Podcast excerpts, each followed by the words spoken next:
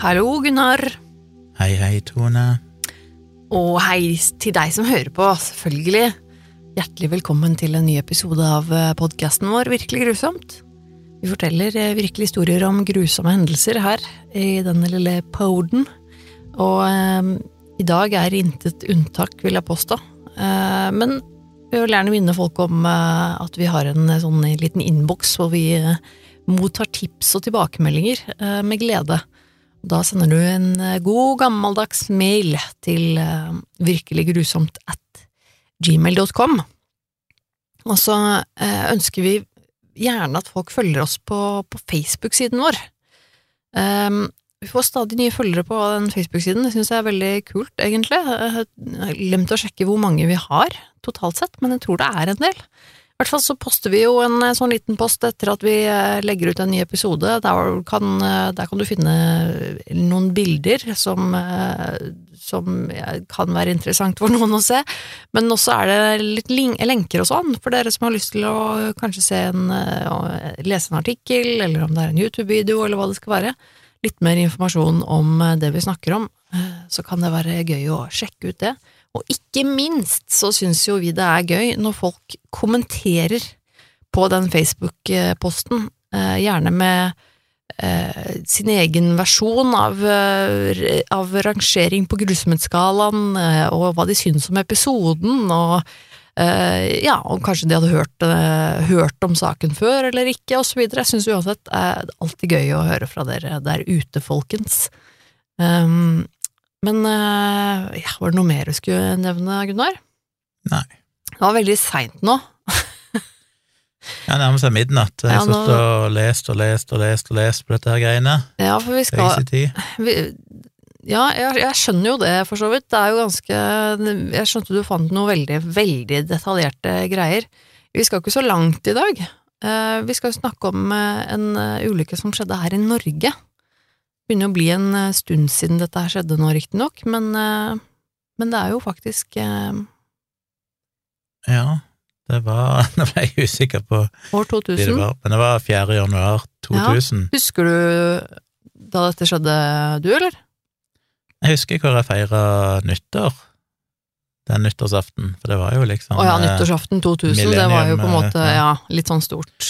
Forferdelig kjedelig nyttårsaften for min del, men uh, dette skjedde jo kort tid etter det, da. Ja. Jeg husker Jeg husker ikke detaljer, men jeg husker jo selvfølgelig at ulykka skjedde og sånn, men jeg ja, Du husker på en måte at det var snakk om på nyhetene og Ja, det gjorde jeg. Ja, for det, det gjør ikke jeg. Jeg hadde jo bare akkurat fylt elleve år, så jeg, jeg, kan ikke si at jeg husker så mye av det. Nei, jeg tror ikke jeg husker det i det hele tatt, egentlig, for å være helt ærlig. Jeg husker at det skjedde, men det er ikke en av de sakene som jeg kan visualisere noe Sånn som enkelte andre ting som er skjedd som er mye eldre enn dette, da jeg liksom kan huske at jeg så det på TV eller et eller annet mm. sånt. Jeg husker ikke helt det, jeg bare husker at saken skjedde. Jeg husker at det er en sak som har fascinert meg litt sånn i ettertid, da når jeg på en måte fikk vite litt mer om den, og ikke minst også vil jeg anbefale folk å høre den NRK lagde en, en, to, en todelt podkast-episode om denne Åsta-ulykken i den podkasten til NRK som heter Hele historien, som var veldig bra. Men for det var jo rimelig heftige greier, egentlig, der, når man begynner å gå inn i detaljene på, på dette. Ja, det er jo en interessant historie. Det er mange måter du kan fortelle den på. Det er ikke gjort, at det, det finnes jo mye artikler om det. Mm. De er litt mer overfladiske. Det var laga, som du sa, podkast. Uh, mener vi har sett en dokumentar om det òg. Jeg tror det. Uh, som mye fokuserer på å intervjue de som var med, passasjerer, og hvordan de opplevde det og sånn. Jeg sleit jo litt med å finne noen gode artikler til utgangspunkt i, som ikke bare var litt for overfladiske, pluss at mange av de litt mer grundige artiklene i avisa sånn, ligger jo bak betalingsmur. og det oppdaga jeg jo faktisk da jeg skulle sjekke i stad. Men det jeg fant, som jo kanskje er den beste kilden, selv om man er i overkant detaljert, er jo rett og slett eh, en rapport fra undersøkelseskommisjonen oppnevnt ved kongelig resolusjon 20. januar 2000. Mm. Eh, en rapport da som ble gitt fra denne granskingskommisjonen, ja. og eh, avgitt til Justis- og politidepartementet 6. november 2000. Ja, nettopp, ja. ja da er den vel forholdsvis grundig, vil jeg tro, ja. Ja, så det ble jobba en del måneder med dette. Det kom jo da en såkalla NOU 2000 kolon 30. Skal lenke til den. Jeg tror det er mange hundre sider. Ja, såpass, ja. Eh. Mye detaljer, mye seksjoner, men jeg har bladd meg fram til det som egentlig blir omtalt som hendelsesforløpet, der de går ganske så detaljert gjennom hele hendelsesforløpet i denne rapporten. Mm. Og så er det jo da å prøve å, å fortelle, gjenfortelle det. Jeg syns jo, altså som sagt, det finnes podkaster, det finnes dokumentarer som gjerne har en litt annen vinkling. Jeg er jo litt, litt sånn når vi snakker om flyulykker, så liker jo jeg litt å gå inn i de tekniske detaljene. Ja. Kanskje gi litt uh, mer sånn detaljer om hva som egentlig skjedde før, og litt mer sære detaljer om hendelsen. Ja. Som jeg ikke nødvendigvis vet om Ja, det er sikkert kommet fram, men som gjerne det ikke er tid til å ta med i sånne uh, dokumentargreier. ja. Jeg syns det er fint, for det er veldig ofte når du ser på sånne dokumentarfilmer og serier og, så, og, og den type ting, så er det jo ofte nesten bare fokus på eh, på, på en måte de personlige opplevelsene, altså overlevende og, og sånne ting. Det er ikke også veldig ofte man får så mye detaljer om, om sånne nerdete ting, syns jeg. så det kan være spennende. Det vi skal snakke om her, for å ta en sånn bird's eye view i første omgang, er jo at det er selvfølgelig to tog involvert. Det ene toget kom sørover, sørøver ifra Trondheim og skulle til Hamar. Mm. Det andre gikk nordover ifra Hamar, eh, og de to togene endte opp med å krasje. Og hvorfor gjorde de det, og alt dette her, det skal vi jo prøve å forstå. Ikke alt som er helt klart, sjøl den dag i dag, 22 år seinere. Men tog, toget som gikk nordover ifra Hamar eh, og skulle til Rena, eh, blir omtalt som tog 2369. Det gikk ei helt vanlig rute, altså, som gikk eh, jevnlig. Det er ganske lite tog som gikk fra Hamar til Rena. Eh, gikk fem dager i uka, altså hver ukedag, med avgang fra Hamar klokka 12.30 og ankomst Rena klokka 13.21. Så en relativt kort eh, tur på 51 minutter. Er det ikke lenger, nei? Jeg tror, jeg, Og denne, som at det var mye lenger. dette togsettet var veldig lite òg, det besto bare av to vogner. Der den fremste denne gangen, eller på veien oppover, for de snur vel tydeligvis og kjører motsatt vei tilbake igjen, men den fremste vogna her er det som kalles for en motorvogn, og den andre vogna er en styrevogn. Eh, og på denne ulykkesdagen så gikk motorvognen først i togsettet, så det betyr tydeligvis at de kan kjøre i motsatt retning ja. òg, og ha motorvogna bakerst og styrevogna fremst, men Mm. så kun to vogner, så her er det viktig at dere prøver liksom å visu- visualisere hva som skjer, for det blir jo en del detaljer etter hvert, men altså det toget som gikk nordover fra Hamar, lite tog, Mm. med altså to vogner, en motorvogn fremst, og det vil si det er ikke noe eget lokomotiv på dette toget. Å nei, nei. Selve motorvogna er på en måte en passasjervogn, men han har en sånn liten førerkabin helt fremst. Ja, ja, Minner ja. nesten om sånn T-baner. Ikke sant? Det er jo, bare en sånn liten avlukke der, der eh, lokomotivføreren det er jo sånne tog som jeg holdt på å si er vant til, for da har du på en måte et fører, litt sånn førerhus i, i begge ender, egentlig, så de, Ja, det Ja. godt være. ikke sant, sånn at konduktøren på en måte bare bytter, bytter enden av vogna når toget skal snu på endestasjonen Mm. sånn, ja, det er jo ganske vanlig, tror jeg, ja. Mm. Altså to vogner, motorvogner først, styrevogner bak. På denne dagen så var det en som heter Egil Lodgaard, en 58 år gammel mann som var lokomotivfører. Hadde jobba der lenge, var kjent for å være en veldig nøyaktig person, veldig opptatt av at klokka hans var rett og alt mulig sånn. Og i denne rapporten så går du inn i all slags detaljer, der de, for dette er jo en undersøkelseskommisjon som har skal da avdekke hva var det egentlig som skjedde, hvem hadde skyld, hva var årsaken til ulykka. Mm. Så her går de jo inn i helsetilstand og vurderer kan det ha hatt noen innvirkning på det som skjedde denne dagen og sånn, da, men er ingenting som tyder på det. Eh, konduktøren denne dagen var en som heter Erik Storvik, eller er Starvik, eh, litt vanskelig å se, eh, men han var iallfall nesten 32 år gammel. Mhm. Og ja. Og de overtok da dette togsettet på Hamar litt etter klokka tolv, sørga for at dieseltanken var fylt opp. Dette, denne jernbanen, da, denne Rørosbanen, den er ikke elektrifisert, så det er ikke strøm i skinnene. Så var det Ja, ikke noen selve skinnet, ja. Ja, og det er ikke noen vaiere over heller, så vidt jeg skjønner, så det er ikke noe elektrisk, dette her. Dette er kun basert på dieseldrevne tog. Mm. Jeg vet ikke hvordan det er i dag, om det fortsatt er sånn, men, eh, men i hvert fall. Så dette var dieseldrevne tog, så jeg hadde fylt opp dieseltanken og så videre. Og så er det jo visstnok sånn, da, at på den tida så var det visst tidligere, så var det egentlig sånn, så jeg skjønte det, at Telenor hadde eh, noen egne nummer, hva de kalte det, noe sånn alfanummer eller noe sånt, som basically betyr at du kunne ringe et hvilket som helst togsett hvis du bare visste nummeret til toget, altså sånn som dette her da var tog 2369. Mm. Da var det tydeligvis mulig å ringe det toget ved å ringe 2369. Jeg vet ikke om noen måtte taste Norge først, eller et eller annet, men, men de hadde ikke sånn eh, eh, abonnement på alfanumrene på akkurat disse nye tognumrene som de hadde blitt tildelt ganske nylig, tydeligvis. Mhm. Så for å få kontakt med togene, så måtte du ringe basically konduktøren eller lokomotivføreren på mobil.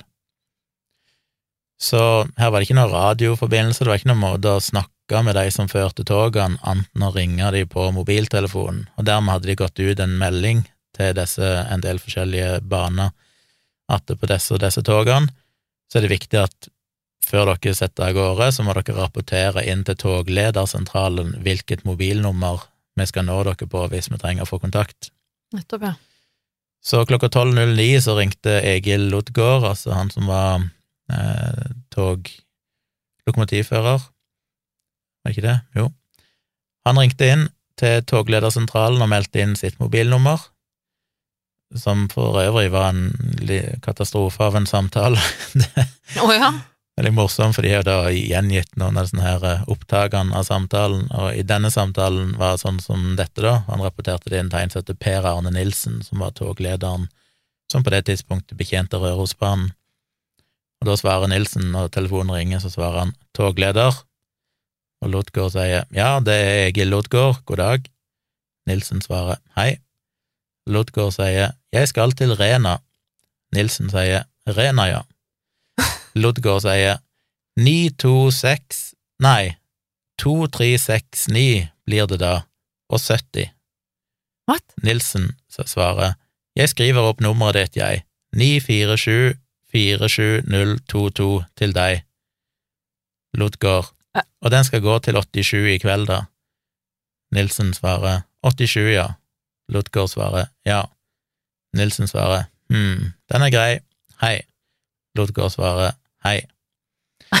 Ok, jeg skjønte ikke så mye av det. Han skulle oppgi telefonnummeret sitt, men han sa jo helt feil nummer. Ja, verden. Men han, eh, togleder Nilsen han så jo på sin telefon hvilket nummer det ble ringt ifra, så Ja. han valgte å skrive opp det istedenfor, som jo var det rette nummeret.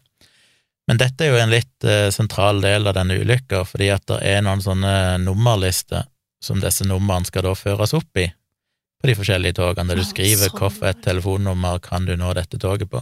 Ja. Denne toglederen skrev ikke opp nummeret eh, på noen av de to togene som var involvert i den ulykka, i disse nummerlistene. Istedenfor så skrev han det på et sånn ruteblad som viser de forskjellige rutene, da. Så skrev han bare på den ene så skrev han mobilnummeret med penn eller et eller annet, og på den andre så skrev han mobilnummer på begge Mm. togene. Så de sto oppført på rutebladet som er, hang på veggen eller lå på pulten eller et eller annet sånt, men det ble ikke skrevet inn i de listene der du faktisk skal finne nummeret. Mm. Og så er det så morsomt å lese sånne rapporter som dette, for alt er så detaljert, sånn hvor lenge samtalen varte, og Ja. alle ting som kan misforstås, er da granska her, ikke sant, hva mente han med det, og hva Ja, ja, ja. Men iallfall. Så dette toget, da, som gikk nordover, tog 2369, det forlot Hamar stasjon klokka 12.30 etter planen. Stoppa på Ildseng, videre på Årdalsbruk og Løten, før det ankom Elverum klokka 12.55. Og Da var de ett minutt uh, forsinka. Mhm. Eh, ja, skal ikke gå inn i alle disse detaljene, men de gikk iallfall videre fra Elverum til Rudstad, eller Rustad. Og dette er jo den sentrale stasjonen, for dette er jo et, et sånn enkeltgående jernbanespor oppover. Og det betyr at når det kommer et tog fra nord og et tog fra sør, så må jo de passere. Og det gjør de da på enkelte av disse stasjonene. Så det betyr at når det kommer et tog sørifra, så må jo de stoppe på en stasjon, og der deler sporet seg i to, sånn at et eventuelt tog som kommer imot, kan passere de. Mm, ja, nettopp, for de bruker bare ett og samme spor på begge Ja. retninger. Hvis ikke hadde jo aldri den ulykka skjedd. Eh, Så det er jo et enkelt spor, og de kom eh, etter planen, så skulle de da passere på denne stasjonen som heter Rustad. Det var der de pleide å passere, men den akkurat hvilken stasjon de passerer på, kan flyttes. Men det som var rutiner da, eller var vel at hvis toget nordifra var mer enn tolv minutter forsinka, så kunne de flytte den passeringa opp til neste stasjon. Eh, Men i dette tilfellet så valgte de å ikke gjøre det, så det, det var liksom på Rysta de skulle passere. Um, ja. Så de kom inn til Rysta, og dette toget er jo ganske interessant, det som kommer fra sør, altså dette Hamar-toget. Nå snakker vi kun om det første toget her, så Mhm. langt, som kjører nordover. Fordi ja, og her går de inn i mye detaljer, men, men altså, det, vidt jeg forstår det, så er det basically to lys. Det er ett lys eh, som jeg tror er ganske Altså, det er ett lys som kalles for tog togsporsignalet, eller noe sånt, og så er det et annet lys som kalles for hovedsignalet, som er mye lenger framme. Eh, og de er da De kan da være grønne eller røde, de kan vel også være gule, tror jeg. Så Ja. basically er jo det mye av stridens kjerne her. Fordi når de kjører inn på stasjonen, så er det jo bommer som skal gå ned over, de, over eventuelt kryssende veier og sånne ting, ikke sant. ja. Og det er noen sensorer, det henger en sånn magnet bakerst på toget Ja. som, er, som du må flytte på, avhengig av hvilken vei du kjører.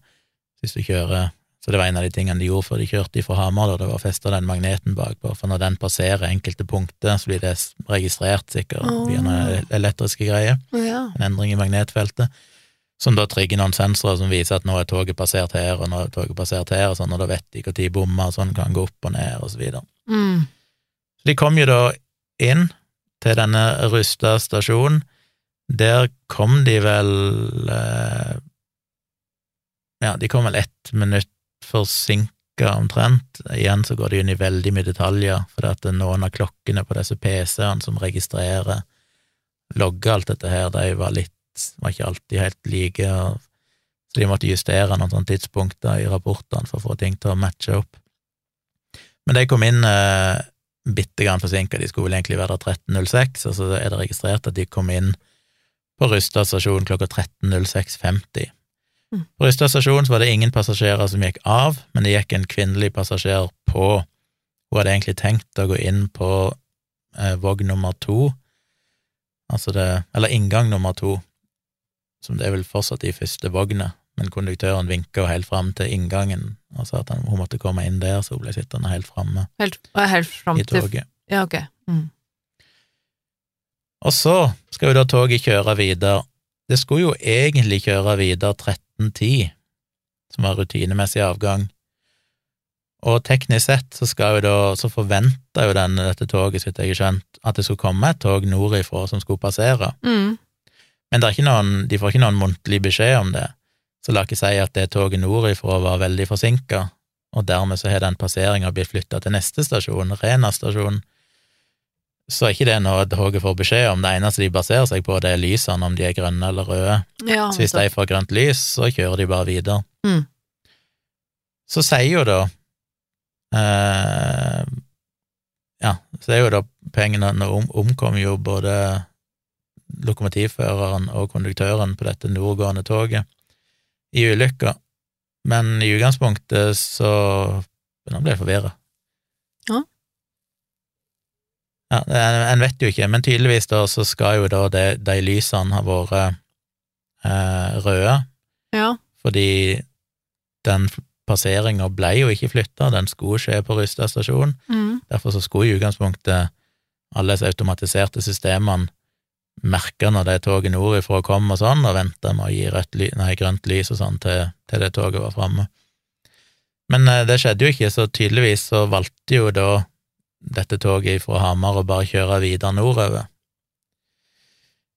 Og så er det jo da veldig mye usikkerhet i hvorfor gjorde det det, Mm. fordi du kan se for deg at du har en stasjon, og så har du ei, et jernbanespor som går ut på hver side av stasjonen, altså et som kommer fra sør, et som går ut i nord, Mm. men på hver side så deler jo sporet seg da til et sånt sidespor.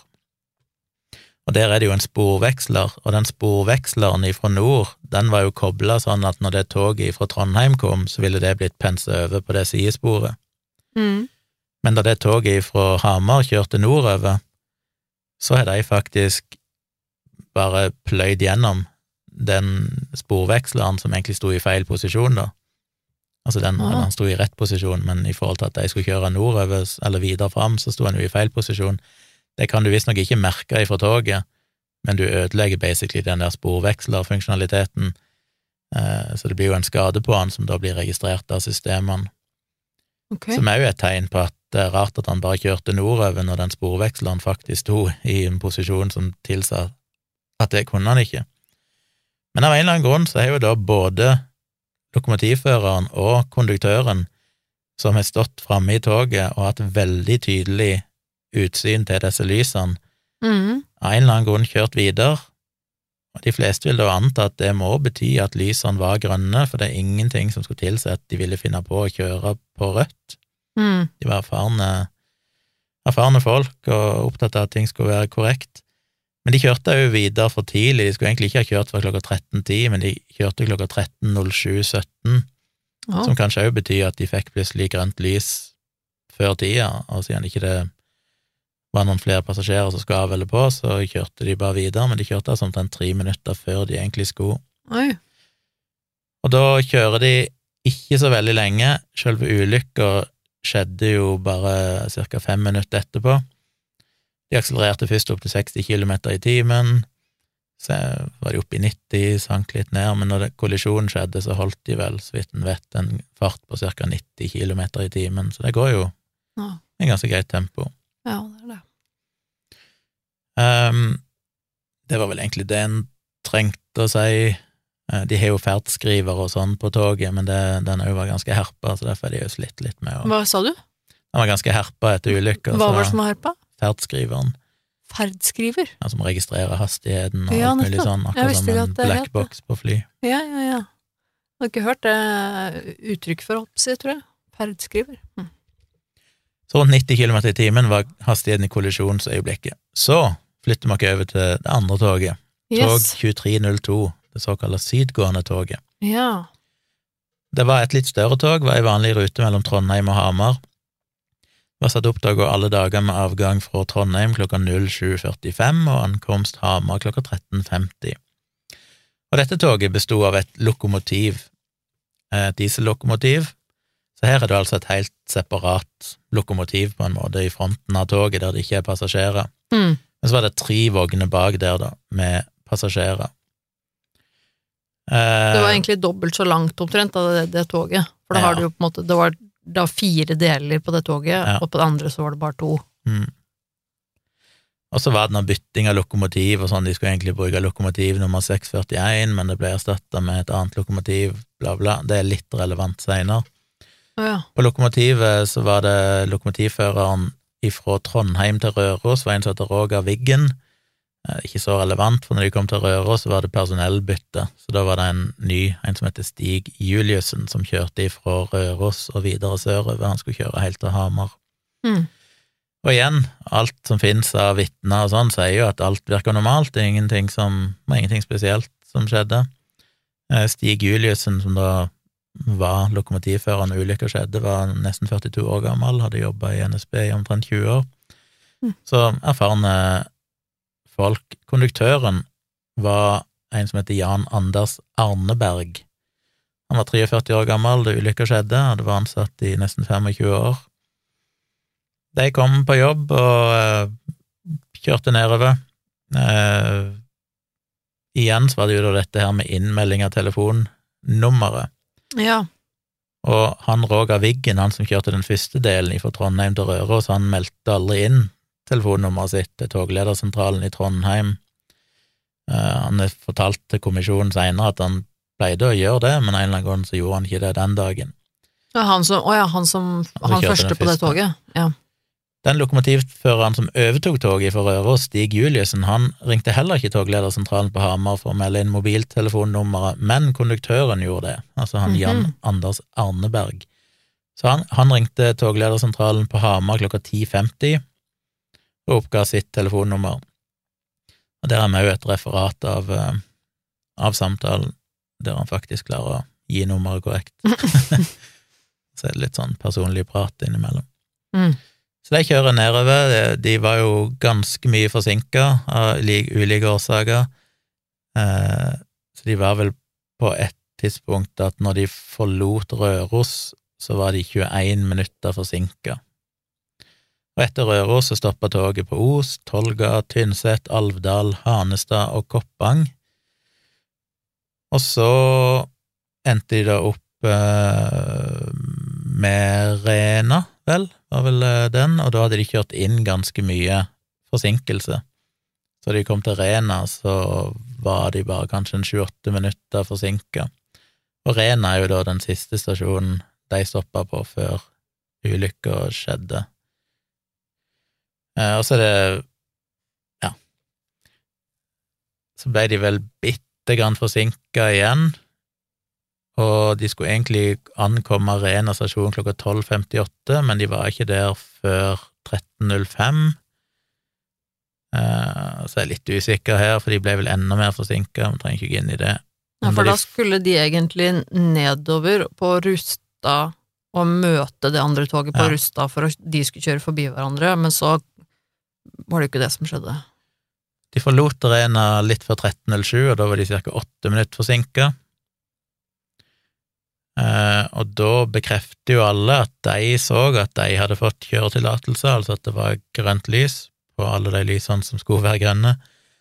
Så de hadde full klarering iallfall til å kjøre nedover, og det er jo for så vidt riktig, det er jo som forventa. De skulle jo kjøre videre sørover for å komme til Rustad, der de skulle passere det andre toget. Mm. Um, og de forventa da òg å møte det andre toget på Rysta, og syntes det var bra, for de håpte at de skulle kunne kjøre inn litt tid. Dette toget fra Trondheim, da, de har et mål om å komme til Hamar innen et visst tidspunkt. Hvis de ble mer enn hva var det, tolv minutter eller sånn forsinka, så ville de ikke rekke overgangen for passasjerene til et intercitytog som gikk videre til Oslo. Mhm. Så det var litt sånn kjipt for dem hvis de ble mer enn tolv minutter forsinka, for da kom ikke passasjerene seg videre til Oslo. Men eh, alt så egentlig greit. Dette toget kjørte da videre sørover, og i ulykkesøyeblikket så hadde det en hastighet på rundt 80 km i timen. Så du har jo da her et tog i 90 og et tog i 80 km i timen som Ja. ender opp med å kollidere. Og så er det mye detaljer her om denne togledersentralen på Hamar, men det er jo de der som sitter og overvåker diverse dataskjermer og sånn, og, prøver å følge med. Eh, denne Rørosbanen har jo Det var to ting som kunne ha gjort at denne ulykka ble unngått. Det var den lille som gikk oppover? Ja, altså hele den banen. Å ja, banen, selve banen, unnskyld, ja. Det ene er jo en sånn automatisk eh, togstopp-funksjonalitet, som basically betyr at hvis et tog kjører på rødt lys, så vil han bare kutte strømmen, sånn at eh, ikke toget kan kjøre videre. Ja, den stopper automatisk. Det vil jo i utgangspunktet ikke ha fungert her, for det var jo ikke noe strømførende tog, så det betyr vel kanskje at de må oppgradere hele jernbanen, for at jeg, jeg vet ikke helt hvordan de kan innføre det, for det ble innført etterpå. Ja, men jeg leste også at det, det, at det var i, i gang med å innføre det, og at det var gjort i Oslo blant annet, men at de hadde da blitt litt forsinka på Det er det er så tragisk, for de hadde jo begynt med den jobben, men de hadde prioritert noen andre ting først, så derfor var ikke det fullført. Men som jeg forsto det, så hadde vel det da fungert på, på det nordgående lille toget, hadde det ikke det da? For det var vel sånn Nei, jeg tror det òg var diesel, eh, kjørte med diesel. Men det var vel halv, eller, eller sånn eh, Jeg leste det nå nettopp, det, fordi det var, det var elektrodiesel, eller de kalte det i hvert fall, det Ja. var i hvert fall en litt annen teknologi enn Ja, en, eh, Ja, for det er, jo, det er jo elektronisk også i tillegg, på grunn av at de har jo ikke det derre eh, Hva heter det foran? Lokomotiv, lokomotivet. Det andre er jo at de hadde ikke noen sånn radiofunksjonalitet Mm. på togene som gjorde at det var lett å kalle de opp. For det har vi jo nå, selvfølgelig. Altså at Ja. I nyere tid etter det så er det jo radio, sånn at man kan snakke med seg mellom direkte. Togleder eh, Per Arne Nilsen hadde ansvaret for to strekninger. Han hadde ansvaret for Hamar-Eidsvoll og Hamar-Røros denne formiddagen 4. januar. Og de hadde da to ulike skjermsystemer som de fulgte med på. Og akkurat denne dagen eh, så var Hamar-Eidsvoll var ganske heftig trafikkert, så de som jobba der på togledersentralen, de var mest opptatt av den Hamar-Eidsvoll-strekket og togene som skjedde der, og fulgte ikke så godt med på den Hamar-Røros-strekket som jo den ulykka skjedde på. Mm. Eh, men det var ikke en uvanlig travel dag, ifølge det de har rapportert seinere, det var bare det at de hadde litt mer fokus på den ene skjermen, for det skjedde litt mer, mer der. Eh, det har altså vært noen avløsninger av hvem som jobber der. Jeg skal bare hoppe over litt av det, for det er såpass detaljert. Um, skal vi se Ja, så var det dette med forsinkelser. Eh, de hadde jo registrert at det var forsinkelser, eh, men så er det jo litt ikke så veldig mye som ble kommunisert. Eh, I utgangspunktet, når de ser det er forsinkelser, så er det jo opp til de toglederne til å egentlig programmere inn disse lysene, da, og si at ok, men da kan det toget kjøre videre fra den stasjonen, og så kan de heller passere hverandre på neste stasjon, og så videre. Ja, det blir altså ikke gitt noen muntlig beskjed til, til lokomotivføreren, det er bare de som plotter inn lysene. Fordi tog, de toglederne som sitter på en sentral, de sitter da på en måte og manuelt egentlig mm. følger med de da på de togene. Ja. Så får de på en måte signaler, så ser de liksom å, nå, nå er det toget der, nå kjørte den forbi den stasjonen på vei nedover sånn, nå kommer det toget den veien oppover der, der passerte den den, ja, og så må de da se at ok, men nå er det toget forsinka, ok, det betyr at de ikke kan passere hverandre der, da må vi flytte den passeringen dit, og så må de da gi manuell beskjed om det, og i tillegg da flytte på lysene som togene ser. Altså, de gir jo ingen beskjed. Nei, eller var det du Det sa, at de ikke gir beskjed, men de bare hjemme. bruker lysene for å signalisere. Ja. og det er jo, ja, så det er jo litt av en jobb, egentlig, da.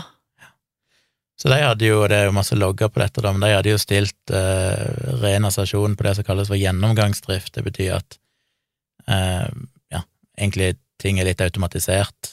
Når det blir registrert at toget er kommet der, og bommene til veien og sånn er gått ned og gått opp igjen og bla, bla, bla, så, så endrer lysene seg mer eller mindre på ren automatikk. Og det samme var vel skjedd på, eh, på den Rystad-stasjonen, jeg er litt usikker på, men iallfall. Eh, skal vi se, ja, og igjen, loggene viser jo, det er det som er så mystisk her, at de valgte jo å kjøre videre nordover fra Rystad, dette nordgående toget, Ja. Men alt av logger tilsier at det var ikke stilt noe klarsignal for denne stasjonen. Mm. Og så begynner vi å komme inn til da ulykka skjedde. Klokka 13.07.58 så ser da, eller så viser toglederen sin skjerm for Rørosbanen at dette nordgående toget, altså tog 2369, har passert hovedsignalet for utkjøring på Rysta stasjon. Mm. Men husk, de er mer opptatt av den andre skjermen, den som viser et annet strekk. Men det dukker altså opp på skjermen at dette toget nå har kjørt videre nordover. Nesten et halvt minutt seinere, klokka 13.08.22, så kommer det opp en melding nederst på skjermen i røde bokstaver der det står V2, vekselkontroll mangler, rusta. Hos han toglederen som sitter på Ja. sentralen. Og det var fordi at da hadde det toget kjørt tvers gjennom den der togveksleren, som jo sto Ja. i feil posisjon, og ødelagt den, og det ble registrert av systemene, og det kom da opp en melding på skjermen om at nå er det noe galt med den vekselkontrollen. Det burde jo, hvis noen hadde fulgt med, så hadde jo det vært et veldig tydelig signal om at noe er galt. Ja. Ikke bare at toget åpenbart har blitt registrert og har kjørt videre, selv om det egentlig ikke er blitt gitt klarsignal, men at det da er jo bare kjørt sånn denne vekselkontrollen. ja. Men de er altså da mest opptatt av denne strekningen Eidsvoll-Hamar, og følger ikke så mye med på denne skjermen. Mm. Eh, og så er det noen sånne andre lyder, noen sånne surrelyder, som varer i noen sekunder, som kommer når tog passerer visse områder. Eh, Jeg skjønte ikke helt akkurat det, så det kan vi skippe, men poenget er at det er ganske mange varselsmekanismer som skal på en måte oh, ja. varsle om at ting er i ferd med å skje. Eh, Nybakken, som han heter, han som nå hadde tatt over som togleder på dette, han varsla, eller han har gitt beskjed til denne kommisjonen da, som har skrevet denne rapporten, at eh, han oppdaga denne feilmeldingen ca. klokka 13.12. Mhm. Og så er det da viser det seg senere at eh, klokkene gikk 59 sekunder feil på disse skjermene og sånn, så de har prøvd å korrigere for det, men det de mener da at han må ha meint at han oppdaga denne meldinga om at togveksleren da mangla, at det skjedde mellom klokka 13.11 og klokka 13.12. Så det vil si at den meldingen hadde stått på skjermen i mellom tre og fire minutter før han endelig ble oppdaga. De er òg eh, logg, eh, eller opptak, av de telefonsamtalene som går inn og ut fra togledersentralen, og der sier de at han hadde en telefonsamtale med Os i Østerdalen som ble avslutta klokka 13.10.54. Og når de hører på den samtalen, så er det ingenting som tyder på at han på det tidspunktet er klar over at det er to tog som er på kollisjonskurs, for der Mm. er han helt rolig og sånn. Men klokka 13.11.58, altså ca. ett minutt seinere, så kommer det en ny telefonsamtale inn ifra en person som heter Velten, som ringte ifra Alvdal. Men i den samtalen så virker Nybakken veldig stressa og gir basically han Velten beskjed om å legge på, og den samtalen varer bare i sju sekunder. Så da tolker kommisjonen det sånn at på det tidspunktet så var han klar over at nå, Nå er det noe. et eller annet som skjer her. Ja. Og han har jo senere forklart at han skjønte at dette toget hadde kjørt ut ifra Rysta, og at det toget nordover, nordifra oh. kom på samme strekning, Oh. og det kunne han se på skjermen, og ga da umiddelbart beskjed til sine kollegaer på togledersentralen om hva som var i ferd med å skje. Mm. Og så kom jo problemet, da, for nå vil de jo gjerne gi beskjed til disse togene nei. at uh, dere er på kollisjonskurs, Ja. og han første han gjorde, var jo da å begynne å lete etter telefonnumrene i denne telefonlista, men der sto jo ikke disse numrene. Oh. Han var jo ikke klar over at han Nilsen, han togleder Nilsen, som han nettopp hadde avløst, hadde da notert disse numrene på denne, dette grafiske rutebladet Mm. som lå på pulten, visstnok, rett foran han. Så numrene sto rett foran han. De var tilgjengelige, men han visste jo ikke at de sto der, Nei, ikke så det var ikke så lett for han å plutselig oppdage at Nei. var skrevet ned der. Så han i ren desperasjon fant da fram disse lokomotivnumrene, eh, og da ja, så ringte han vel et nummer som tydeligvis da er registrert på det lokomotivet, og det, der fikk han ikke noe svar, men som dere husker jeg nevnte tidligere, så hadde de jo bytta lokomotiv i siste liten, sånn at det var et annet lokomotivnummer. Ja. Så det, den oppringningen der skjedde klokka 13.12.50. Teknisk sett så hadde jo da faktisk ulykka skjedd 25 sekunder tidligere, men det visste ikke han da. Nei. Eh, han prøvde seinere å ringe diverse ja, Han ringte til til lokkleder i Trondheim og diverse og prøvde å finne nummeren, og fikk oppgitt nummeret til det sydgående toget klokka 13.17.30, og da er jo allerede ulykka skjedd for fem minutter siden. Ja. Han ringte det nummeret klokka 13.17.42, og eh, endte opp med at eh, Skal vi se. Ja, jeg er litt usikker hva som skjedde der, men så ble vel de oppringt plutselig av, av, et, av det samme nummeret like etterpå, og da var det et, en oppringning inn til togledersentralen ifra mobiltelefonen til konduktør Arneberg, som var på dette sydgående toget, og det var en passasjer som ringte, en som heter Torbjørn Digre, Oi. som eh, ringte, men etter en kort tid så overtok han Arneberg da telefonen og fortsatte å prate med toglederen i sju og et halvt minutt.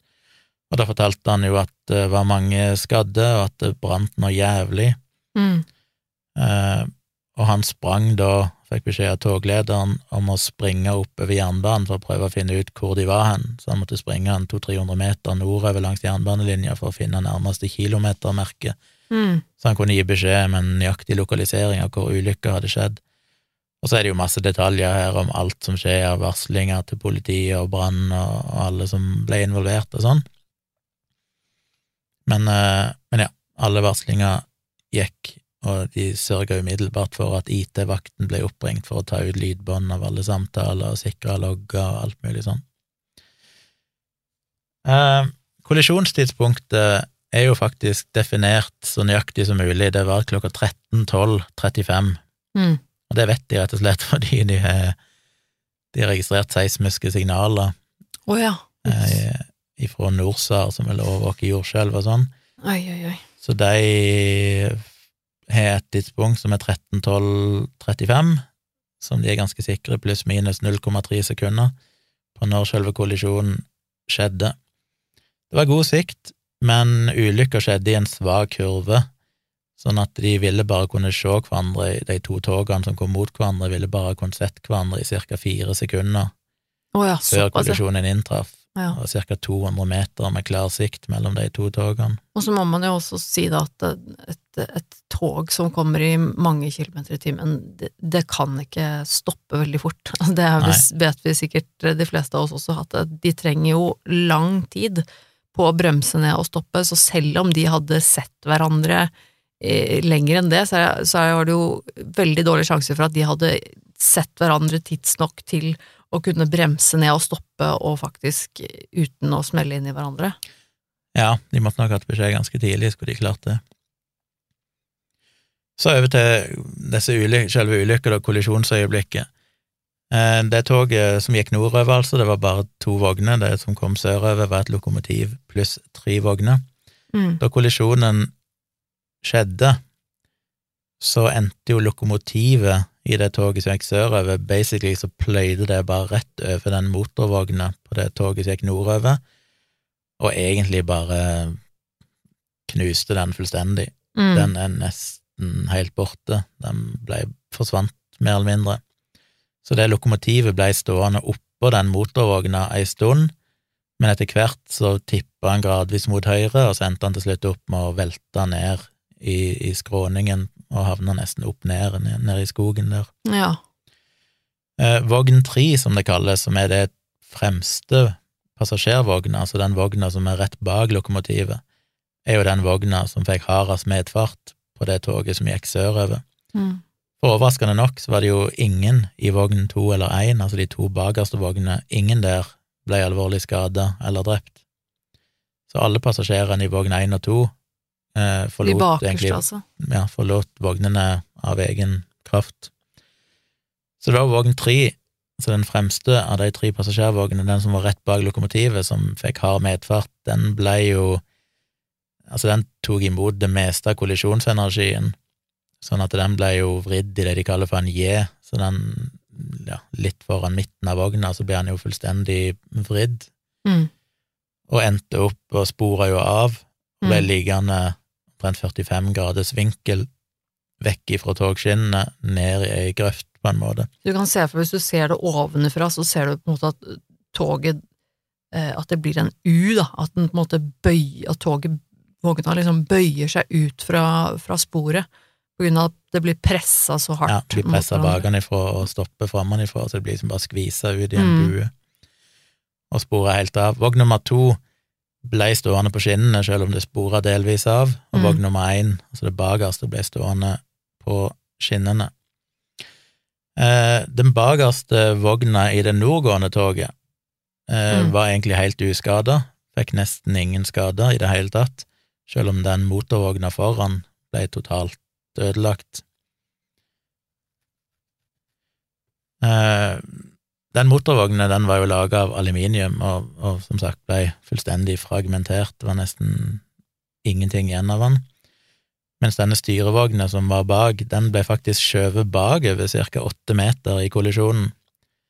Så det er klart det var en mye større masse som kom nordifra, for det var et mye et lokomotiv pluss tre vogner Mm. pløyde over motorvogner som vel stansa nesten da umiddelbart, som å kjøre inn i en fjellvegg. Mm. Og så ble I tillegg faktisk det, den vogna bak dytta bakover åtte meter, cirka. Ja. Men ellers veldig lite, lite skade. Um, ja, så står det litt mer om de forskjellige, jeg trenger ikke gå inn i det. Det som var det store problemet her, var jo at um, dette var et dieseldrevet tog. Ja. Så diesel lekka jo ut mange tonn med diesel, som òg på grunn av det som skjedde, endte opp i en form for dieseldamp. Altså, diesel kan du ikke sette fyr på eller få til å eksplodere hvis du holder ild inntil det. Det må først opp på en viss temperatur og sånn, og så, ja. Men iallfall, alle omstendighetene lå til rette til at det rett og slett bare førte til en enorm branneksplosjon. Mm. Så like etter sammenstøtet så eksploderte det egentlig en svær brann, som egentlig roa seg ganske fort ned til en, det de kaller for en normal brann, men etter hvert som brannen begynte å spre seg, så ble den jo mer og mer intens igjen.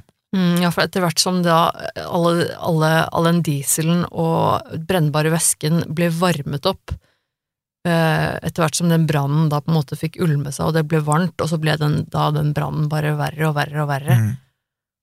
Så det var jo eh, Og det var flere andre ting som brant òg, både bagasje og alt mulig sånn, men òg en del andre sånne eh, frostvæske og forskjellige andre væsker som var i tog og sånn, var Mm. veldig brennbart. Så det begynte jo å brenne egentlig i første omgang der lokomotivet var, som basically sto oppå da denne motorvogna til det nordgående toget. Der lakk jo all dieselen ut, og en del olje og sånn, og begynte å brenne. Den styrevogna, altså den bakerste vogna på det nordgående toget, den ble faktisk ikke påvirka av brannen i det hele tatt. Eh, Litt på grunn av vindretning og, og fordi det var såpass langt unna der brannen skjedde. Men det brant i første omgang da i lokomotivområdet. Og så gradvis så begynte det å brenne nedover mot denne her vogn nummer tre, altså den som var mest skada, som lå helt forvridd på sida, mm, og det begynte å brenne først i fronten av den. Og på dette tidspunktet så hadde jo etter hvert eh, brannmannskap og sånn kommet fram, skal ikke gå inn i alle de detaljene, det er så mye detaljer om når forskjellige folk ankom og sånn, men det kom er etter hvert brannmannskap, det var blitt varsla og sånn, og politi og ambulanse og alt mulig rart.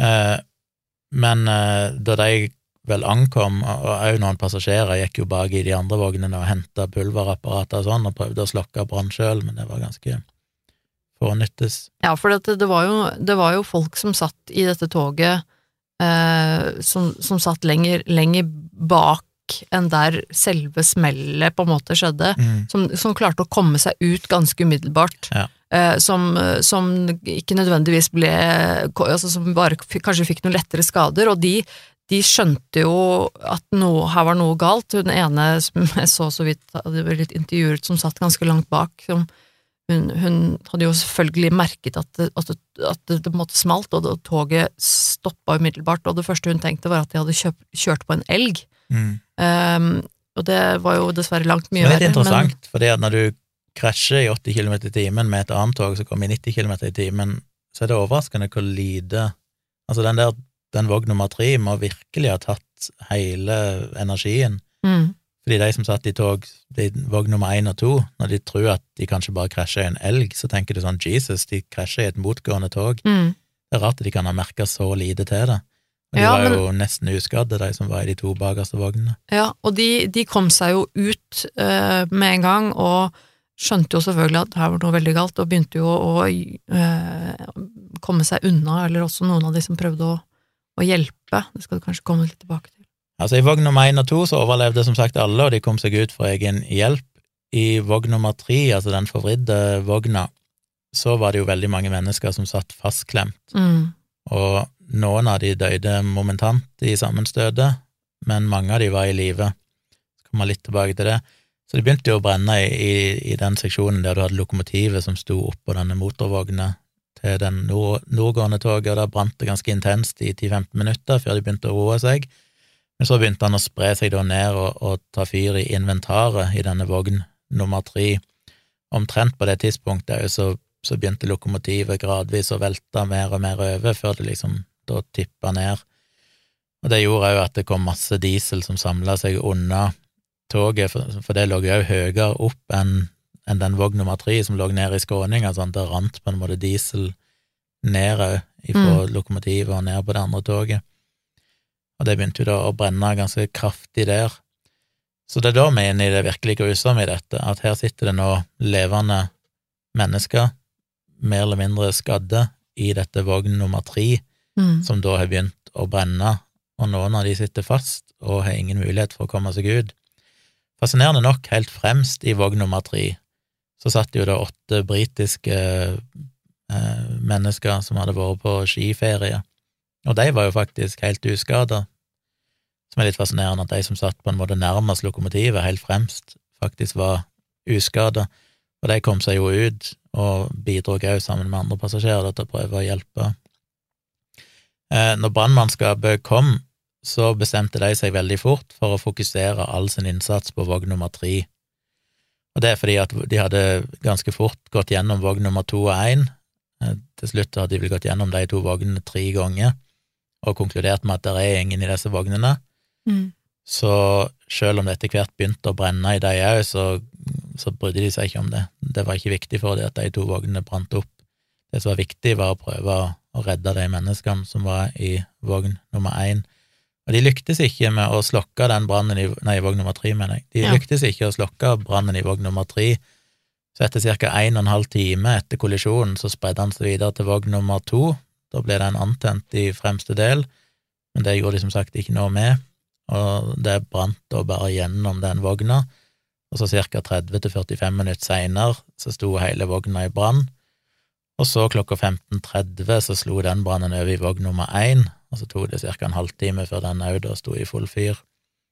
Og først etter ca. to og en halv til tre timer så døde den brannen gradvis ut. Og det som var litt av problemet her også, til disse til, til brannfolka, visstnok så jeg leste, var jo at de hadde veldig dårlig tilgang på vann og Ja. slukkerutstyr. Eh, for det, det var visst ganske langt unna et sånt vann, altså vannpunkt hvor, hvor, hvor, de kan koble seg på vann. Eh, de, altså de hadde skum, og de hadde noe vann, men jeg leste også at de hadde da eh, For å da på en måte prøve å For inni vogn nummer tre, som nå begynner å brenne veldig veldig alvorlig, og det er fortsatt mennesker som er i live, som er klemt fast, og som sitter fast inni den vogna, så vil de selvfølgelig gjøre alt de kan for å prøve å redde de menneskene. Mm. Så de- de ville på en måte da eh, Noe med at de, de ville slukke Prøve å slukke den brannen, men det funka veldig dårlig, også fordi at det var så ekstremt varmt. Mm. eh, At eh, mye av, den, mye av det vannet, det funka ikke. Altså det, det fordampet, og det ble borte. Og så de prøvde de jo å sprøyte skum inn Ja, for å prøve å lage en slags barriere mellom der det brant fremst i vogna, Ja. og de folkene som satt lenger bak, fastklemt. Mm. Men det funka dårlig, blant annet av vinkelen og, og Ja. diverse. Og, også, og, så, og så er det jo eh, da en, en ganske vanskelig balansegang da, mellom å, å prøve å sprøyte inn skum, men likevel ikke så mye at det igjen vil lage problemer for dem. Fordi at det, var også noe med at hvis de bare spøste på masse skum, så ville det igjen være nesten umulig for dem å få disse folka ut. Ja. Eh, Så dette her var jo helt Og så leste jeg også at det var noe disse brannmenneskekonstablene som beskrev eh, Beskrev selve toget, altså veggene og eh, vegg, altså, skroget, er det, hva heter det? Selve vegg, altså tog, Ja. togskroget var så varmt at det var Mm. nærmest rødglødende. Ja, det var helt ekstremt varmt. Hele taket gløda jo, og de to sånne aluminiumsstier de brukte som de satte opp mot toget, de bare smelta når de prøvde å komme seg inn. Det er helt utrolig. Mye av fokuset ble jo satt, og en del hadde jo klart å komme seg ut, de som var mer eller mindre uskada.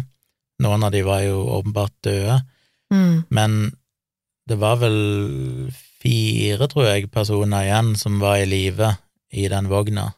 Ja. Og de valgte da å fokusere primært på ei ung dame som satt fremst av de, eh, fordi kanskje hun var nærmest brannen og sånn.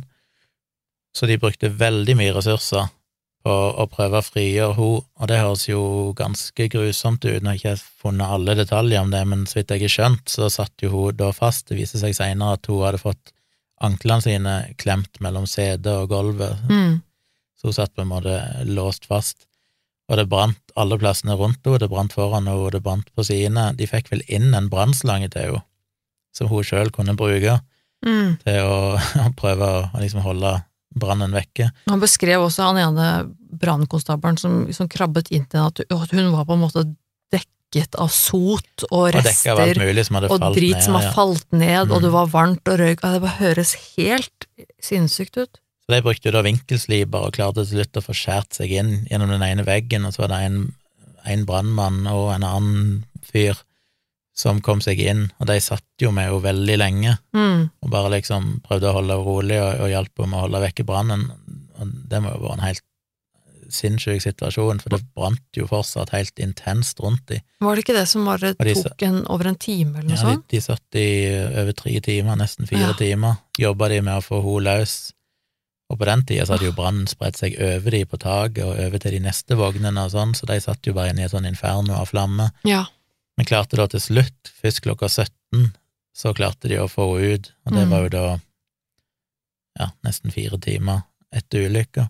Det er helt utrolig. Og da kom hun seg faktisk ut uten noen ja, Det står her at hun hadde ikke noen store synlige skader. Jeg mener vel jeg leste en annen plass hun hadde brannskader og litt sånn, men, Ja, ja. men, men- gikk, hun overlevde. Ja, for for hun var jo eh, i utgangspunktet ikke veldig skadet Altså sånn at hun, hun satt fast At det var, det var det som var problemet, da. At hun var klemt fast mellom, da, som du sa, uh, gulvet og stolen, og at hun ikke kom seg noen vei. Ja. Um, Det er jo interessant her å se på en sånn skisse som viser hvor de forskjellige folkene satt som overlevde og omkom. Oh, ja. I det sydgående toget, altså det som kom fra Trondheim, så hadde du lokomotivet. Der var det kun lokomotivføreren som befant seg da ulykka skjedde, og han døde jo da sannsynligvis momentant. Mm. I vogn nummer én og to så var det jo en del passasjerer, men alle de overlevde, som sagt. De bakerste, altså. Mens i vogn nummer tre, altså den fremste passasjervogna rett bak lokomotivet, så var det jo da de åtte fremste setene, de overlevde, det var disse engelskmennene. Mm. Og så litt sånn bakover, litt sporadisk, så var det folk som døde, og noen som overlevde. Eh, litt usikker på hvor hun, hun satt, hun som eh, de brukte så lang tid på å få ut. I det nordgående toget derimot, og i det sørgående toget, så var det vel Hvor mange var det til slutt? De endte opp med at det var Jeg tror det var eh, totalt 100 personer i begge togsettene, og jeg tror det var eh, noe sånt som 17 personer eller noe i det, i det som gikk nordover. Ja, det var 86 personer totalt, fant de ut til slutt. Det var 75 i det sydgående toget, Ja. og 11 i nordgående. Ja, så det var veldig få eh, i det lille toget, og, Ja. og ganske mange flere i det andre. Og kun to togpersonale, altså en lokomotivfører og en konduktør i hvert av de togene. Mm. Eh, lokomotivføreren i det sydgående toget døde, ja, det har jeg sagt, men det nordgående toget derimot, der var jo lokomotivføreren og konduktøren sto begge helt framme i toget, i den motorvogna, som jo da ble totalt knust. Mm.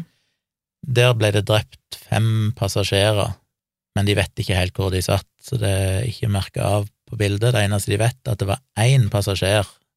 Så det var altså i den fremste vogna der så var det én, to, sju, åtte passasjerer, nei, åtte personer totalt, altså lokomotivfører og konduktør, pluss seks passasjerer. Mm. Sju av de døde. Men én person som satt helt bakerst på den bakerste seteraden inni i hjørnet, overlevde faktisk. Wow. Det må være litt sånn Når du ser bildene av det, så ser, det så ser du ingenting igjen av den fremste motorvogna. Så det må ha vært liksom bare akkurat det bakerste hjørnet. Ja, det er der, helt der sto det liksom igjen litt av den vogna. Ja. Tenk for en opplevelse å sitte der, altså basically få et lokomotiv over deg som bare maltrakterer alt foran deg, og så sitter du der plutselig med, som liksom, i den lille delen som ikke ble knust, og overlever. Nei, det er helt sykt. I den styrevogna, altså den bakerste vogna, så var det tre personer, bare. Og den ene som omkom der, vet ikke hvor satt, men det var to som overlevde. Så av de elleve på det toget som gikk nordover, så var det tre som overlevde, altså, Mm. totalt sett. Av de 75, var det det jeg sa, på det sydgående toget, så overlevde alle unntatt elleve, uh, var det det? Én, to, tre, fire, fem, seks, sju, åtte, ni, ti, elleve. Elleve personer døde på det toget som kom ifra nord. Mm.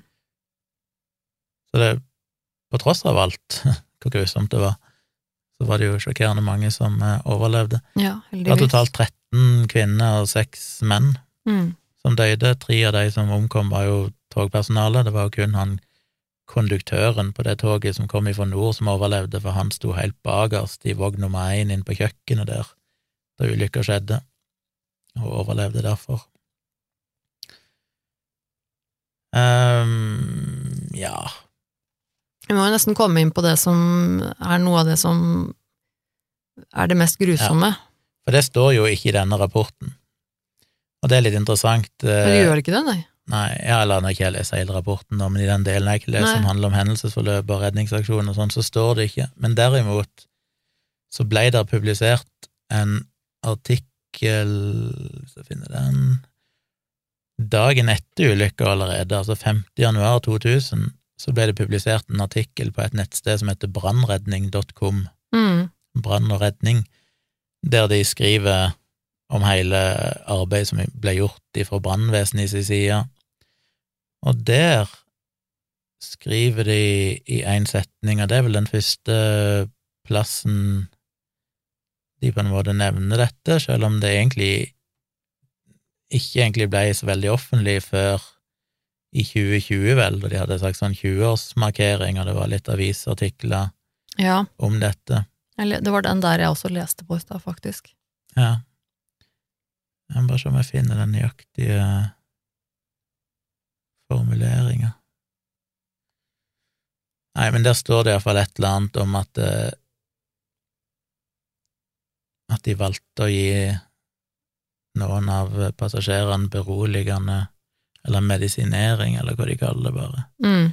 Beroligende medikamenter. Så greia er jo det da at i denne vogn nummer tre, der det brant forferdelig, og de så at det var noen mennesker som som fortsatt levde, men satt fullstendig fast, og så hadde du hun da ene hun unge kvinna Mm. som eh, de så at hun kan det være mulig å få ut, så valgte de jo egentlig å fokusere alle ressursene på henne, og det høres jo veldig brutalt ut, for det satt jo da folk lenger bak som òg var fanga og fortsatt var i live, men som de egentlig ikke gjorde noe med, og det var fordi de satt så fast at de hadde egentlig bare én mulighet, og det var å amputere lemmer. Mm. Men de visste samtidig at det ville de sannsynligvis ikke rekke før de Nei. ble tatt av brannen. Så situasjonen der er jo at de får fatta jo en rask avgjørelse om å rett og slett bare komme seg bort til de med sprøyte, og så gi de beroligende midler som basically gjorde at de havna i narkose. Ja. Eh, ikke medisinering som tok livet av de, det var ikke aktiv dødshjelp, men de tenkte at ok, det er to utfall her. Det ene er at vi ikke får gjort noe, og de dør i store smerter, både smerter de allerede har fra brukne lemmer og skader og sånn, i tillegg til brann, Mm. at de blir drept av brannen. Eller så kan vi gi dem en mer human utvei her, og det at vi rett og slett bare sprøyter inn beroligende midler, eller egentlig bedøvende midler, sånn at de sovner og dør i fred og ro. Dør i, i søvne, rett og slett, da. Egentlig. Og det er jo mange sånne tragiske historier her med folk som overlevende som rapporterte om at eh, det var folk som var i live, og som de satt og snakka med og prøvde å holde mm. På en måte kontakten med helt til det brant så mye at de ikke klarte å være der lenger, Mm. og som de senere fant ut og hadde omkommet. I tillegg da til det mest tragiske, disse menneskene som var i live etter ulykka, men som de bare visste at vi kan ikke redde disse menneskene. Mm. Det beste vi kan gjøre, er å bare gi dem bedøvelse, sånn at de dør utenfor store smerter.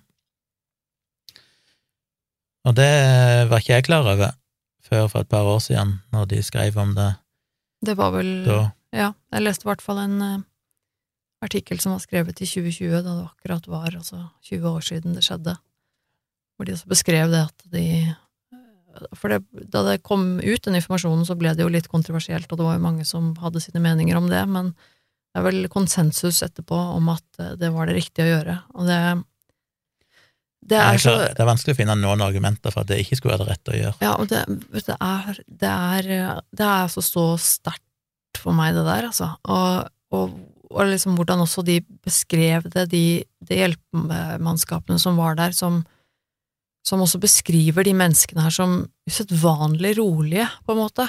Um, og at de snakket med dem, og, um, og, og, og, da måtte beskrive at, at det jævligste var på en måte å vite at, at vi kan ikke redde dem.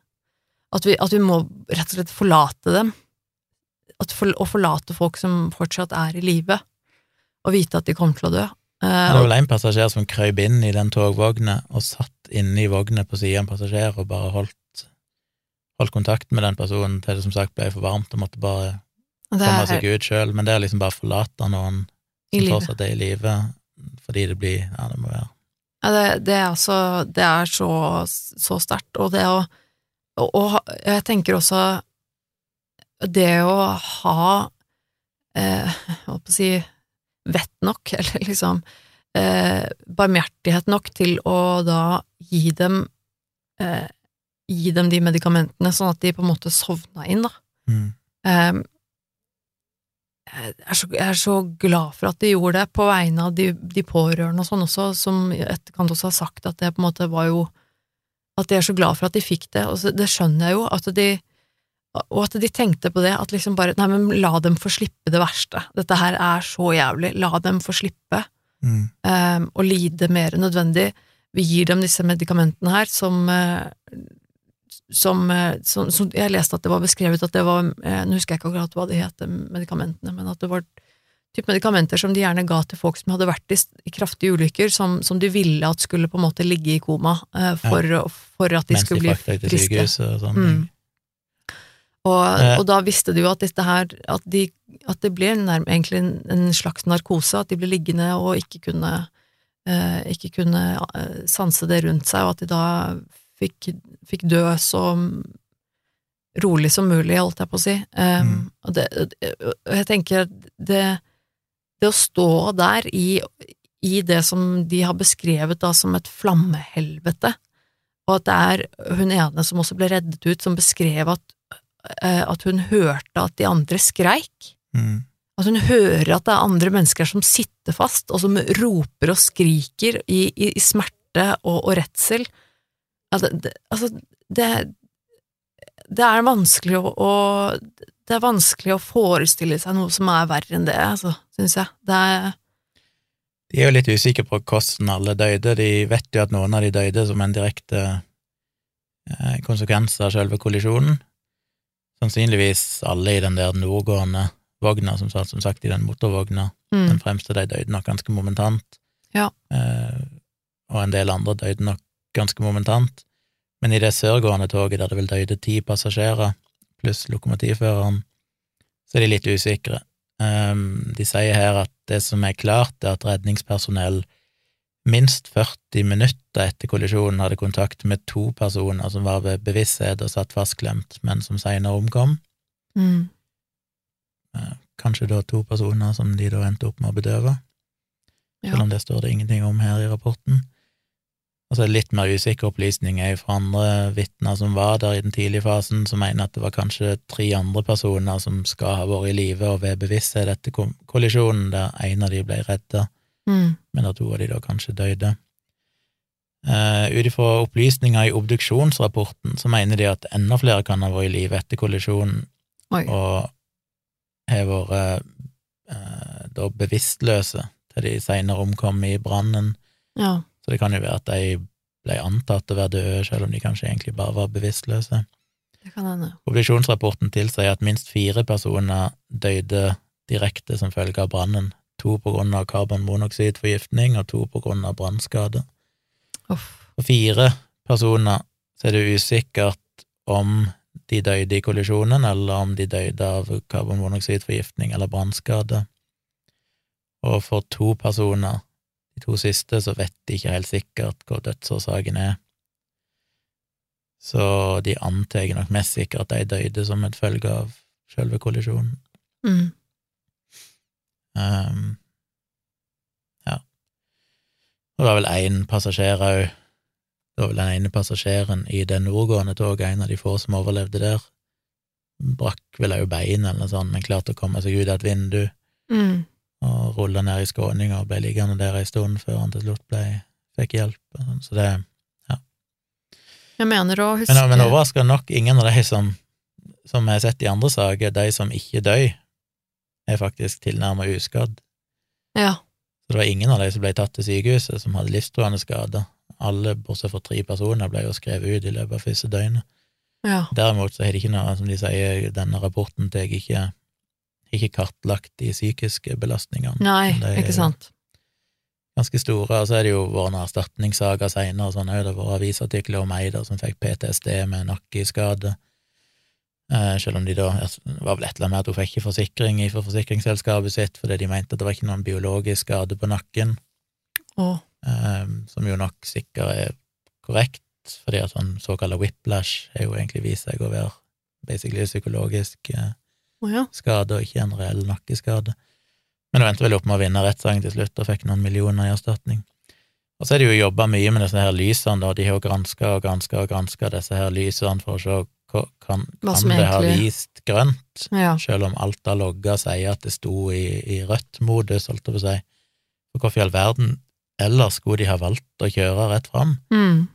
Og da ble det rapportert en sak fire år seinere, der det var et annet tog på den samme banen, der både lokomotivføreren og konduktøren så etter disse lysene, som opprinnelig var rødt, plutselig bli grønt i ti sekunder før det gikk tilbake igjen til å bli rødt. Ja. Og det har de prøvd i et år eller noe sånt å gjenskape, og de har prøvd å utsette lysene for alle mulige slags forhold, for å se om de kan Mm. trigge et eller annet som gjør at det bare switcher farge, uten at jeg har fått beskjed om det, men de har aldri klart å reprodusere det. Nei. Så hele greia er litt sånn mystisk. Ja.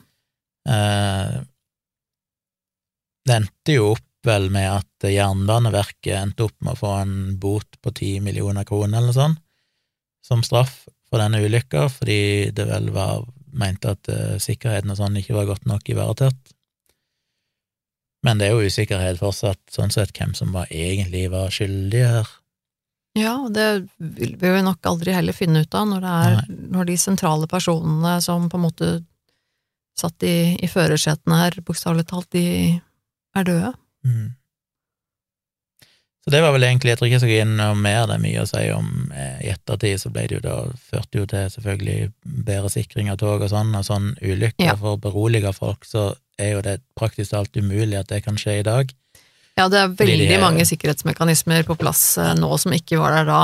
De har automatisk stoppa togene og sånn, og, det som sagt, så sier noen ja ja, men hvis lyset viser feil, så hjelper vel ikke det. Men den automatiske stoppen er ikke basert på hva lyset faktisk viser, men den er basert på hva den skulle ha vist. Sånn som i dette tilfellet, hvis det ikke var, var Eller hvis det var rødt, altså det var ikke klarsignal for å kjøre, selv om lyset da ved en feil viser grønt, Mm. så vil fortsatt toget bli stoppa hvis de kjører videre, fordi at den, den er innstilt på at det skal være rødt. Så det vil bli oppdaga.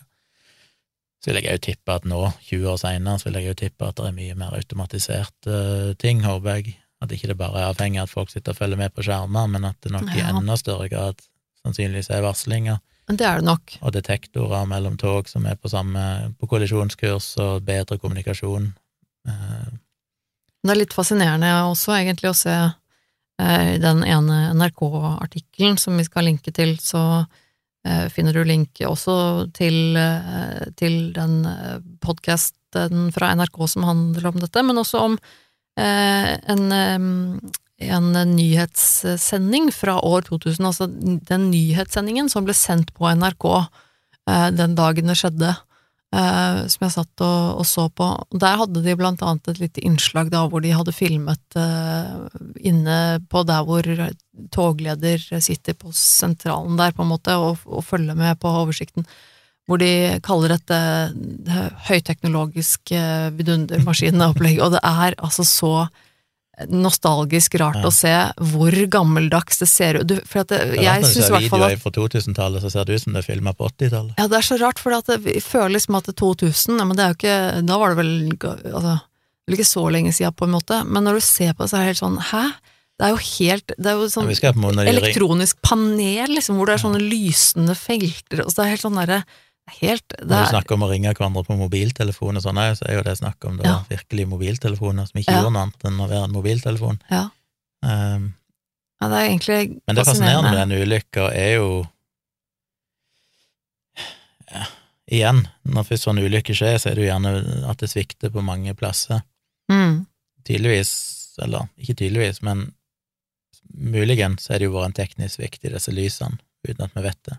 Enten så var det en teknisk sånn. svikt, eller så av en eller annen merkelig grunn så valgte både lokfører og, og konduktøren, som begge sto framme og hadde god oversikt over begge de lysene, det er jo både ett lys da som lyser grønt først, og når de begynner å kjøre, så er det et annet sånn hovedlys som skal lyse grønt lenger framme. Ja. Det er rart hvis jeg viste rødt, at de bare kjørte forbi de, det virker jo lite sannsynlig. ja, det er veldig rart. De hadde riktignok sola rett bak seg, sånn at det var direkte sollys på de lysene, er de sagt, Ja. men allikevel så okay. skal de vel ikke kunne se så feil. Ja, så Og så i tillegg da at uh, de har bytta tog og sånn, så derfor så er det feil nummer på lokomotivet, så de får ikke tak på de, pluss at de har ikke skrevet ned telefonnummeren på riktig sted, sånn at de i teorien så hadde ikke det hjulpet, sannsynligvis, for når han endelig ble oppmerksom på ulykka, så hadde han vel basically ett minutt på seg mm. Ja, men altså, knapt til å klare å ringe begge togene og få de til å stoppe. Det hadde vel det, det hadde det vel egentlig ikke gått. Altså det sånn, Men tenk deg det øyeblikket da hvor han innser det, At Mest, bare, å shit, han de, og så skal han lete fram for å ringe til de som Altså, tenk deg de- Han altså, må jo ha visst da at når han begynner å ringe til Trondheim og prøve å få tak på nummeret, og dette tar mange han er minutter, så må han jo ha skjønt at på det tidspunktet så er det egentlig for seint. Nei, fy fader, det må være det jævligste, altså. Men da hadde jeg nok vært stressa. Det sto vel et eller annet et eller annet sted om at han ganske fort etter dette overlot eh, ansvaret videre den dagen til noen andre. Ja, at det vil jeg tro. i en mental tilstand til å fortsette. Jeg tenkte at den samvittigheten Jobben. som han eh, sitter på da, eh, hadde det vært meg, så hadde jeg jo jeg Ja, Samtidig så er det jo ikke hans feil, det er jo sånn sett ingen av toglederne sin feil. De Nei. gjorde jo jobben sin, selv om en kan si at hadde de sittet og fulgt med på skjermen Altså, og sett den de klart å feilmeldingen tre minutter tidligere, så Mm. hadde de nok rukket, kanskje. Det er derfor hatt en mulighet til å rukke og få ringt begge togene og stoppa de. Så det er jo det at de satt med si, ryggen til den skjermen og ikke så den meldingen som dukket opp i tre-fire minutter. Men tenk å ha et sånt system. Ja. Altså, det er jo helt sånn Nå når vi har nyere og bedre systemer, så er det jo helt sånn merkelig, utenkelig, idiotisk å, å, å se tilbake på at vi at vi hadde sånne systemer og tenkte at det var det var greit, på en måte, for det var det beste vi hadde. Ja, det er jo helt hårreisende, egentlig. Ja, det er en del ting som gikk galt, men igjen, akkurat som vi snakker om flyulykker, det fører jo ofte til forbedringer. Ja. Pluss at det var jo planlagt forbedringer allerede før den ulykka, de hadde bare ikke rukket å få innført de overalt. Så i dag så skal egentlig ikke sånne ting kunne skje, og, og jeg leste jo en oversikt over togulykker i Norge de siste årene, Ja. og hva var det den Norges verste togulykke eh, Den aller verste togulykka i Norge i moderne tid, kan jeg vel kalle det. For i denne Åsta-ulykka, hvis ikke jeg sa det noen gang tydelig nok, så var det 19 personer som døde totalt. Ja. Eh, 22. februar 1975 så hadde det som kalles for 13-ulykken. Der døde det 27 personer. Mm. Og så, så det er de eneste to, det er jo Åsta-ulykka og den 13-ulykka da, som er skjedd i holdt på å si, nyere tid. Går du tilbake igjen til, til krigen, så var den største togulykka skjedde jo i 1945. Da var det 80 som døde. Ja. Det var en sabotasjeaksjon noen sånne norske ja, norske som kjempa imot tyskerne, da sprengte ei bru. Og så seks seks ja. timer seinere så kom det et tog som ikke visste at den brua var sprengt, og kjørte ut og raste ned i elva. Ja. Da var det vel 78 eller noe sånt tyskere som døde, pluss to nordmenn som jobba på, på toget. Så det er jo mer en, en krigshandling, så det Mm. teller liksom ikke helt. da. Så det var noen andre. Det var en annen ulykke i 1944 der 25 døde, det var bremsesvikt. 1940 var det ei ulykke der 22 døde. Og i 1950 var det noe som heter for Juksebø-ulykken, der 14 personer døde. Det er jo faktisk på Sørlandsbanen, der vi kjører forbi med toget. Mm. Ja, vi som bor på Sørlandet. ja, 1940 var det et annet, det var ei bombing i forbindelse med krigen, regner jeg med, der et tog, togspor av elleve døde. Men i moderne tid så er det egentlig bare de to, da, 13-ulykken der 27 døde, og Åsta-ulykken der 19 døde, som har skjedd, og totalt så var det vel 200 og Hva er det sto et eller annet sted, 265 eller noe sånn personer totalt som er døde de siste 100 årene i togulykker. Nei, 250 mennesker. Men det inkluderer jo da denne sabotasjeaksjonen der 80 døde og ei bombe under krigen og sånne ting. Så Mm.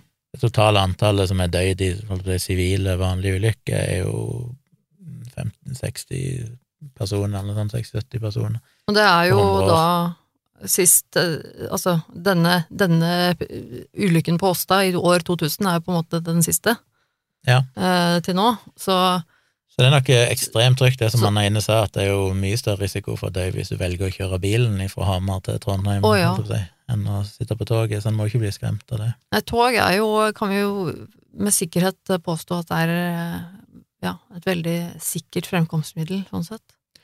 Ja, skulle noe sånt ha skjedd i dag, så må det jo basically en eller annen form for bevisst sabotasje til. Ja, da må det du ha gått uh, Ja. Men som jeg har sagt mange ganger, det overrasker meg jo alltid at når det er terroraksjoner, så gjenger de alltid på fly. ja. Ikke si Eh, det, da. Nei, men jeg synes det er fascinerende, for fly er jo liksom det vanskeligste. Det er så god sikkerhet, du må skanne all bagasjen og sånn, mens på et tog så kan du bare dra med deg en koffert med, med sprengstoffer på toget, ingen som sjekker noen ting, og du vil sannsynligvis kunne drepe ganske mange da òg. Vi ser jo de seneste, senere årene nå, hvordan det er utført terroraksjoner på T-banen og sånn, da. Ja, I store byer. noen- Og det er, det var tog og sånn i Sør-Europa òg, men ja, er allikevel så er det aldri innført noen høyere sikkerhet. Det er jo ingen kontroller når du gjenger på et tog i Norge i dag. Nei, Det det er det ikke, men Den psykologiske effekten er mye mindre av å sprenge et tog, tror jeg, enn av å sprenge et fly, fordi folk er bare redda for fly i utgangspunktet. Men jeg kan også øh, forsikre om at øh, politiet har øh, øvd mye på det. Det å Det å øh, Hva heter det? Eh, Plivo-øvelser på T-bane og sånne ting. Mm. Så det er jo også noe vi er eh, klar over i Norge, om at det på en måte det, det kan skje sånne ting, og da er det viktig at eh, vi har eh, politiet som har eh, Ja, det minner meg på, kanskje vi må ta for oss det i noen episoder. Det har vært noen forferdelige T-baner, Ja. ikke bare terroraksjoner, men det er jo bare rene ulykker, branner og sånne ting, som er temmelig drøye.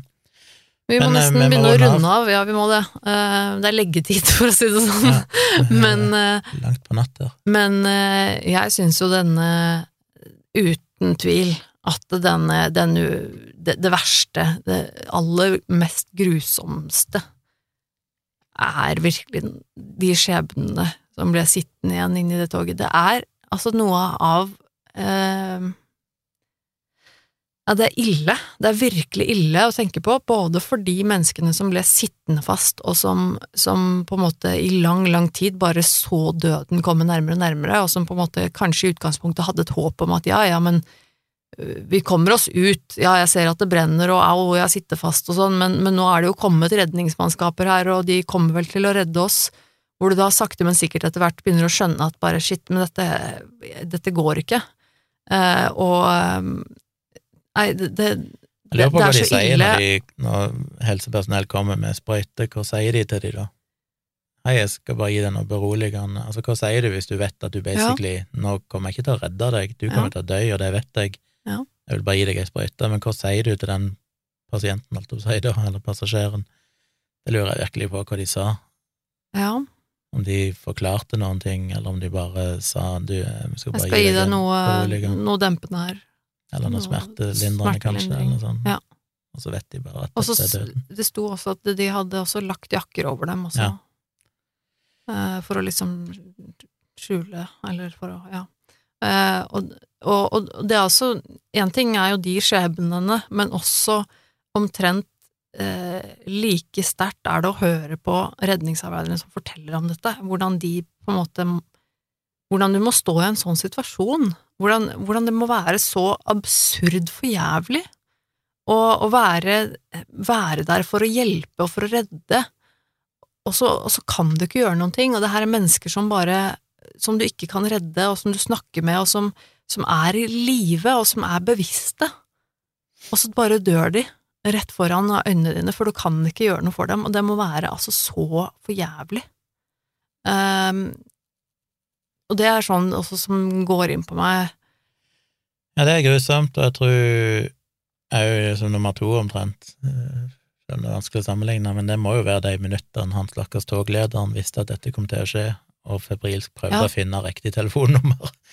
Jeg mener, ja, tenk det er så banalt på en panikken, måte, Ja. men den panikken må ha sånn, fuck, ikke det jeg- Det er jo som en film, ikke sant? Når du Hvor du bare skal kjenner det ringe gå noen kaldt. om gjennom kroppen din, og bare shit, Men det er jo som plott i en film der du skal få varsle noen om at noe kommer til å skje, og så er det sånn kamp mot tida, og så Ja. Finner det, du ikke riktig nummer. Og, ja, nei, så, og, og, altså, men som du sa så tidlig, det at det eh, tross alt, da, bare var 19 personer som døde. Det kunne jo vært mange, mange flere som døde. Jeg tenker Mhm. at det var jo eh, det var jo bra at det var såpass mange som, som kom seg ut, og tenk om det hadde sittet mange flere altså Det var jo tross alt ganske få personer som satt på det nordgående toget, ja. det fra Hamar. Uh, tenk om det hadde vært, vært et eh, stappfullt tog. Det kunne jo vært mange titalls passasjerer som sannsynligvis alle ville ha dødd. Ja, så jeg tenker jo at eh, heldigvis, da, eh, så var det veldig mange som, som kom seg unna i live, men det er klart det er ganske sånn Jeg har også hørt en del av overlevende historier, også hvordan mennesker forteller hvordan de lever med traumene etter det der, og mennesker som aldri har turt å ta tog igjen, liksom, eller Mm. altså som fortsatt eh, sliter med, med traumene, og det er klart at det, det må være helt forferdelig. Um, men jeg tenker Ja, må- at uh, Rangere det fort. at det havner eh, Ja Uh, Nei, jeg vet Jeg tror jeg må jeg tror jeg må, Nei, er det ti, eller? Akkurat nå føles det i hvert fall litt sånn, for jeg syns det er eh, Det er så mange lag med grusomt i en sånn type ulykke. Jeg klarer aldri helt å gi det Det er kanskje ikke konsekvent, jeg husker ikke hva jeg har gitt i tidligere, men jeg sliter alltid litt med å gi det høyest når det ikke er noen som bevisst har gjort noe galt, når det ikke er noen slags ondskap, eller Ja, sånn, ja. Når det er ulykker, så føles det alltid som det går litt ned for meg, bare fordi at eh, Selv om det er ikke noen rasjonell grunn til det, men jeg føler for å gi det Ni, da. åtte. Ok. Ja, nei, det er det er, det er de, de menneskene som sitter, sitter fast og, og Nei, det, det Ich.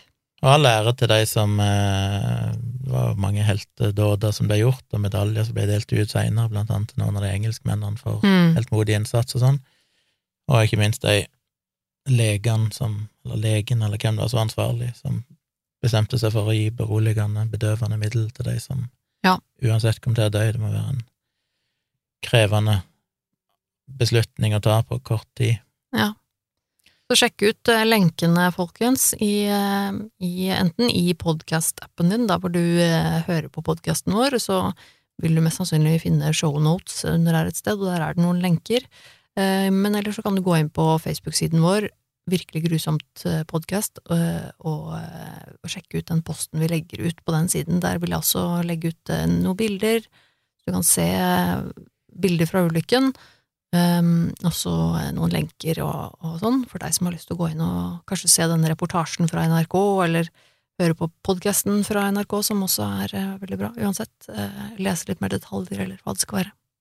Kommenter gjerne, folkens. Eh, som sagt, jeg husker ikke noe særlig egentlig når dette skjedde. Jeg var, var ikke gammel nok til å få det med meg ordentlig, så jeg er litt spent på å høre høre fra publikum eh, i dag, for dette er jo en, en episode som eh, Eller en, en ulykke som skjedde her i Norge. Potensielt så kan det hende vi har noen lyttere som, som faktisk eh, ble pårørt av dette her på et eller annet vis. Det er derfor jeg alltid kvier meg litt for å ta sånne historier, for Ja. at jeg føler det kan jo Det er være noen sånn noen som faktisk var med, eller som har familie, eller som kjenner noen, og så er det Ja. dumt, dumt å si noe som er veldig feil. Men Ja. eh, får korrigere dere på, på mailen hvis vi har sagt noe feil, så Ja. skal vi Eller hvis du har noe tilleggsinformasjon, historie, hva Ja. som helst, send det gjerne til oss på mail. Virkelig grusomt at eh, gmail.com. Vi setter veldig stor pris på det. Um, så må vi bare ja, takke dere igjen da, for at dere hører på, folkens. mm, Vi setter stor pris på dere. Er tilbake igjen om ei uke. Det er vi. Ha det. Ha det.